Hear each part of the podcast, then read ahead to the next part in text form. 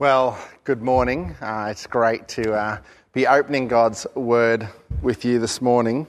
Um, I don't know where you are in your lounge room in your house and uh, kind of how you got to get things set up for the next little bit to uh, be ready to uh, hear God's Word. Maybe you're settling kids and, and uh, getting things ready. Just while you do that, I, I want to think about the idea of what do you want to be known for?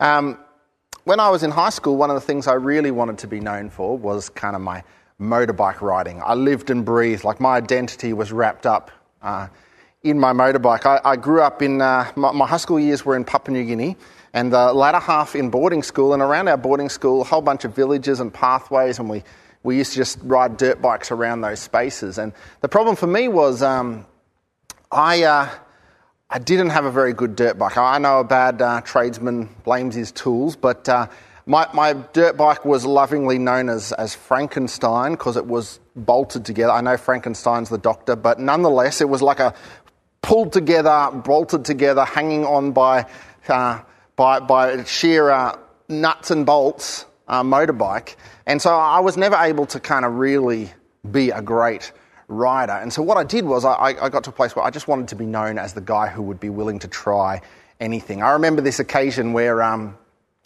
uh, we went out to a place, we called it the Badlands. It was like this place where a bulldozer had carved away some of the dirt and there was lots of cutaways and, and falling. And we went out there to kind of build some jumps one day and, and we, we decided to build what is the biggest jump we ever built, which was, um, it's probably, I remember it probably bigger than uh, it really is, but uh, I remember it being about three metres tall, this cutaway. It was probably more like two. And uh, this, just this sheer cliff, and we carved it off to kind of create this ramp that um, we could ride up. But what was unique about this one is uh, what we used to call a step up jump, which was at the top of this cliff was a gap and another flat bit up the top. And we had this step, and the goal was to ride fast enough to come off this jump and, and land up here. Now, while I wanted to be known as a great motorbike rider, uh, what I was known for is a motorbike that seemed to never be working. And that day, my motorbike was broken. We built this jump, and I said, That's it, we're good to go. And the other guy said, No way, I'm not riding that.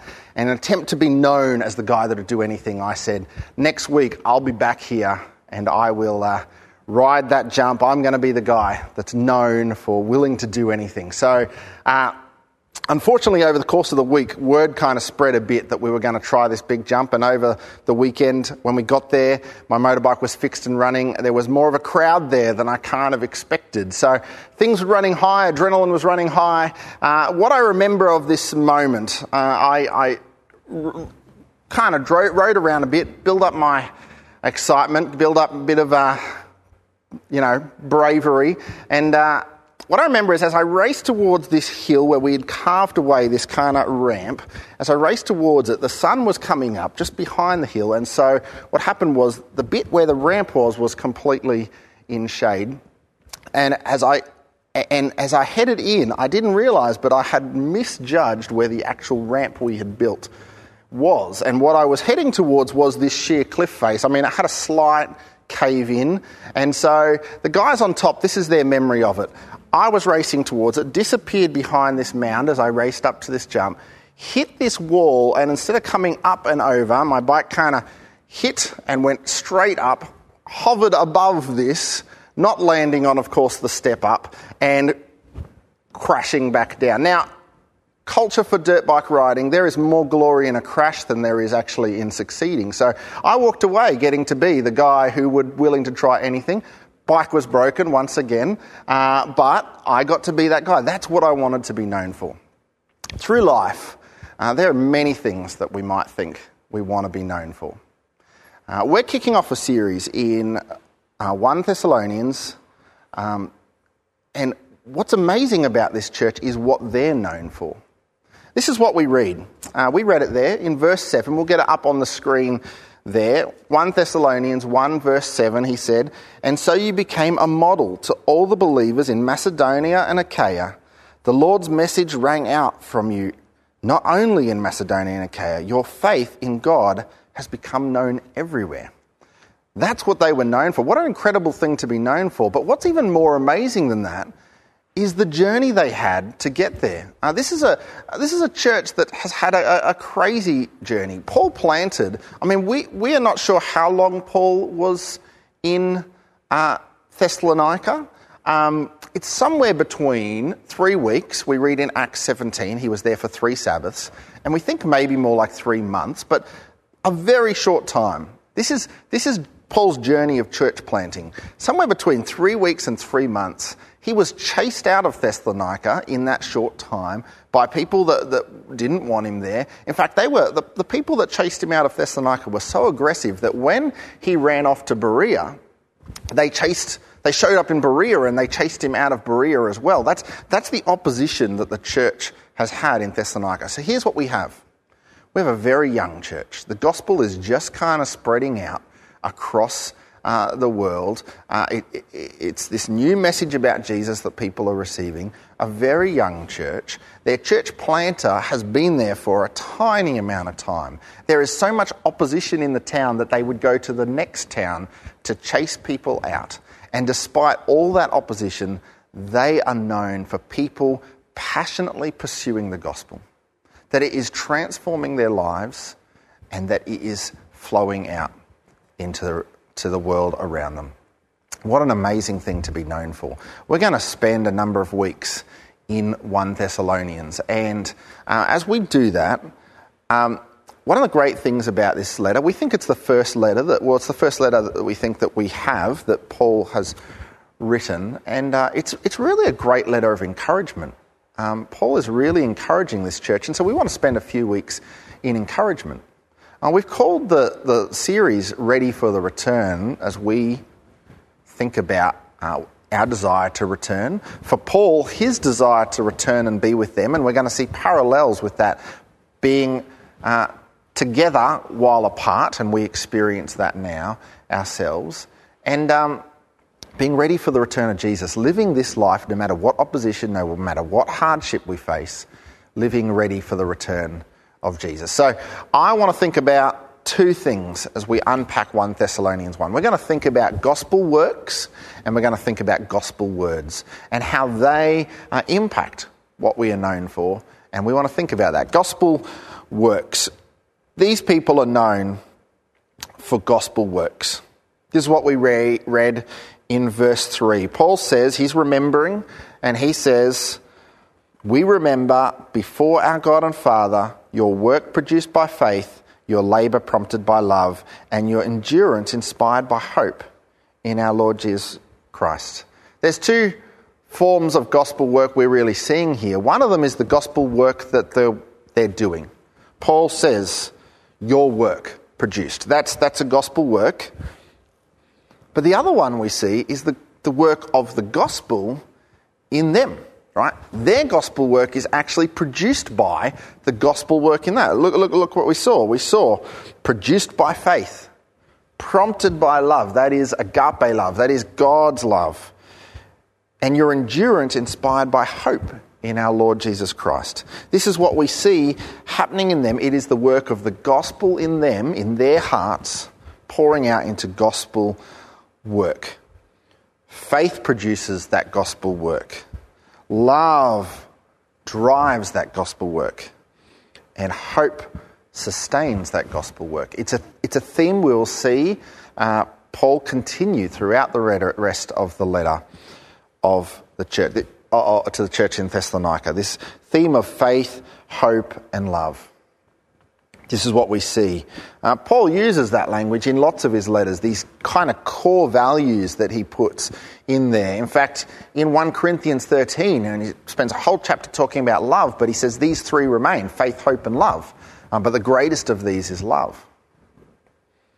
In fact, one of the things we see as he talks about the church here and what they're doing is uh, we see this uh, strange comparison as we look at uh, another letter to another church in a vision in Revelation chapter 2. I want you to look at the parallels between this passage of Paul's faith, hope, and love, of he's saying your work produced by faith. Uh, look at Revelation chapter 2. This is what we read in Revelation chapter 2, verse 2. He says, uh, This is. Um, the letters to the seven churches in Revelation, it's a vision, and Jesus is telling this to the church, and uh, six of the seven churches actually get criticisms. Uh, only one church is told not anything they're doing wrong, but six of them get criticisms. This is one, the first church in Revelation chapter 2, Ephesus. He says, I know your deeds, your hard work, and your perseverance. It's a very similar phrase to what Paul uses in 1 Thessalonians. And we'll just leave that on the screen for a second there. I, I want to I wanna compare this to what we see in 1 Thessalonians. In, 1 Thessal- in Revelation, we get this phrase, I know your deeds. In 1 Thessalonians, he says, We remember your work produced by faith. Revelation 2 says, Your hard work. 1 Thessalonians says, Your labour prompted by love. Revelation 2 says, and your perseverance. 1 Thessalonians 1 says, your endurance inspired by hope. Very similar, but you see what's missing there. Faith, love, and hope is missing from this church in Revelation. In fact, Jesus goes on to say to the church in Revelation, You have lost your first love. In fact, he goes on to say, If you don't repent of that, if you don't repent of the loss of your love, then I will remove your candle from you, he says. I, literally, your light will go out. Here's the point labour without faith, hope, and love is meaningless. Whatever labour we are doing in our life, if it is not driven by, inspired by, and working through the work of the gospel in us, it becomes meaningless. Now, let me be clear I'm not, I'm not saying that uh, you have to quit your job and, and just be in full time ministry. Not everyone's called to full time ministry. Uh, what I'm saying is, no matter what you're doing in life, no matter what God is calling you to do, you work at it with all your heart as though you're working for the Lord. I'm saying that everything we do should be working towards God's kingdom. That is how we live, ready for the return. Driven by the gospel work in us, the gospel, the gospel at work in us, pouring out into gospel work that we do. What that means is, it doesn't matter how hard you work in life. You know, the, the, the phrase people say, like, um, you know, no one gave anything to me. I worked for everything I've got. To be honest, if you're not working for eternity, everything you've got will one day pass away and it will become nothing. If we are not working from gospel work, if we're not working with the gospel transforming through us into our lives, it is meaningless work. This is a, I mean, Paul uses this phrase, labour inspired by love, prompted by love. It comes across a little bit like that phrase we use, it's just a labour of love, right? We use that phrase, a labour of love, to actually kind of mean like it's a, a small thing, it, it's no big thing, it, it was just a labour of love. That's not really what Paul is talking about here. He's talking about real hard labour, and we see it in Thessalonica. We see it at times in our lives, the real hard labour it is. But it needs to be driven. We need to be driven by God's love to be pursuing gospel work throughout our lives. Labour without faith, love, and hope is, is meaningless. That's gospel work. And gospel work goes hand in hand with gospel words. Right through uh, this first chapter, through Paul's uh, letter, we see this hand in hand with Paul preaching the gospel and Paul living the gospel, and Paul telling the Thessalonians how he uh, praises God for the way they shared the gospel message and lived the gospel. Look at what we read there in verse 7 and 8. We read this before. And so you became a model to all believers in Macedonia and Achaia. And then the next verse, look at this. The Lord's message rang out from you. Not only in Macedonia and Achaia, your faith in God has become known everywhere. Their gospel work goes hand in hand with gospel words. The two are there together. You might know that there's an old phrase, it's credited to uh, St. Francis of Assisi. I don't know if uh, it actually was him, but the, the clever little phrase um, preach the gospel at all times, use words if necessary. Now, the problem with that phrase is the gospel is the good news about Jesus. And if, if no one tells people about Jesus, then how will they truly know the gospel? Gospel works without gospel words is powerless.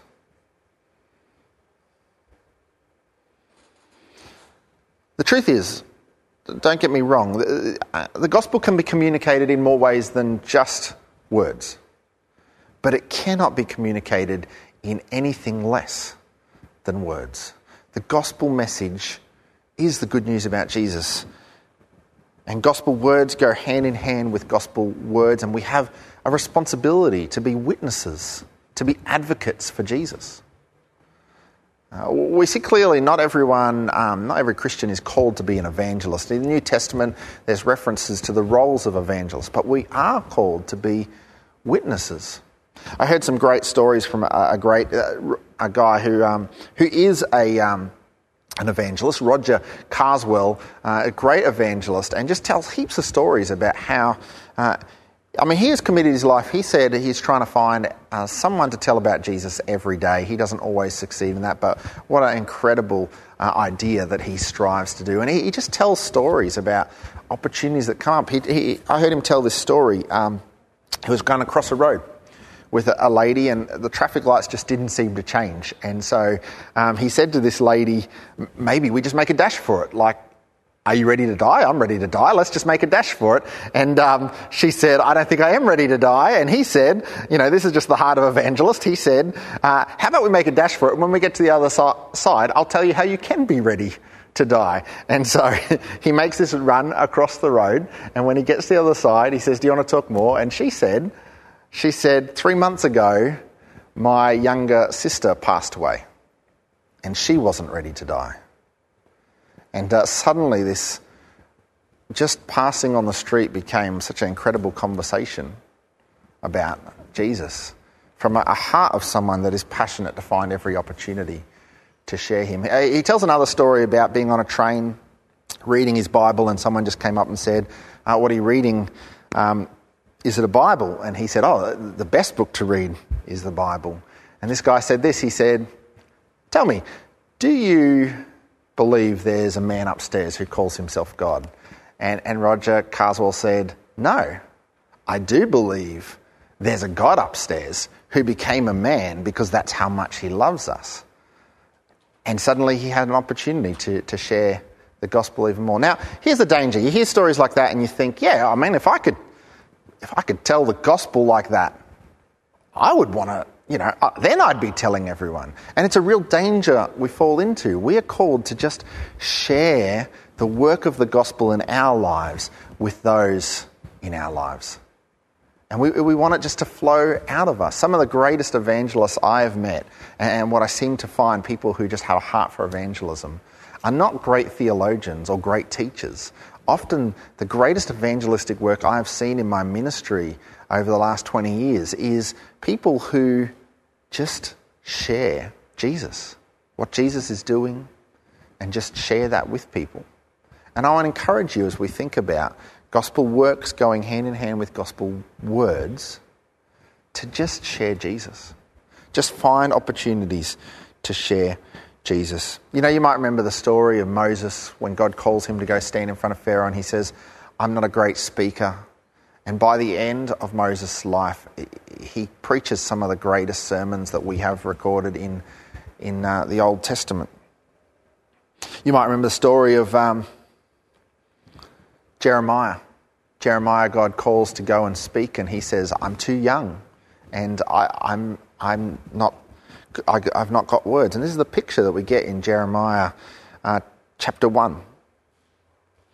God says, I have put my words in your mouth. Think about that idea that the point is not whose mouth it is, the point is whose words they are. God powerfully works through us. That's what we see here in 1 Thessalonians. Paul says, Our gospel came to you not simply with words, but also with power, with the Holy Spirit, and with deep conviction. God wants to work through us. It is the gospel transforming work in us that works through us to proclaim Jesus. In fact, even Paul is praying that God will use his words. This is what Paul says to the church in Ephesus in Ephesians chapter 6. He says, Pray also for me that wherever I speak, words may be given so that I will fiercely make known the mystery of the gospel. Even Paul is asking that God will place words in his mouth. Let that be our prayer as we are living ready for the return of Jesus that our works and our words might go hand in hand. That we might be proclaiming the gospel, that it might be transforming us and pouring out of us in what we do and say, how we live, how we speak, that we might be sharing life through everything we do. Let's pray. Father God, we thank you that you give us a new purpose, a new life, that you have given us the words of eternal life.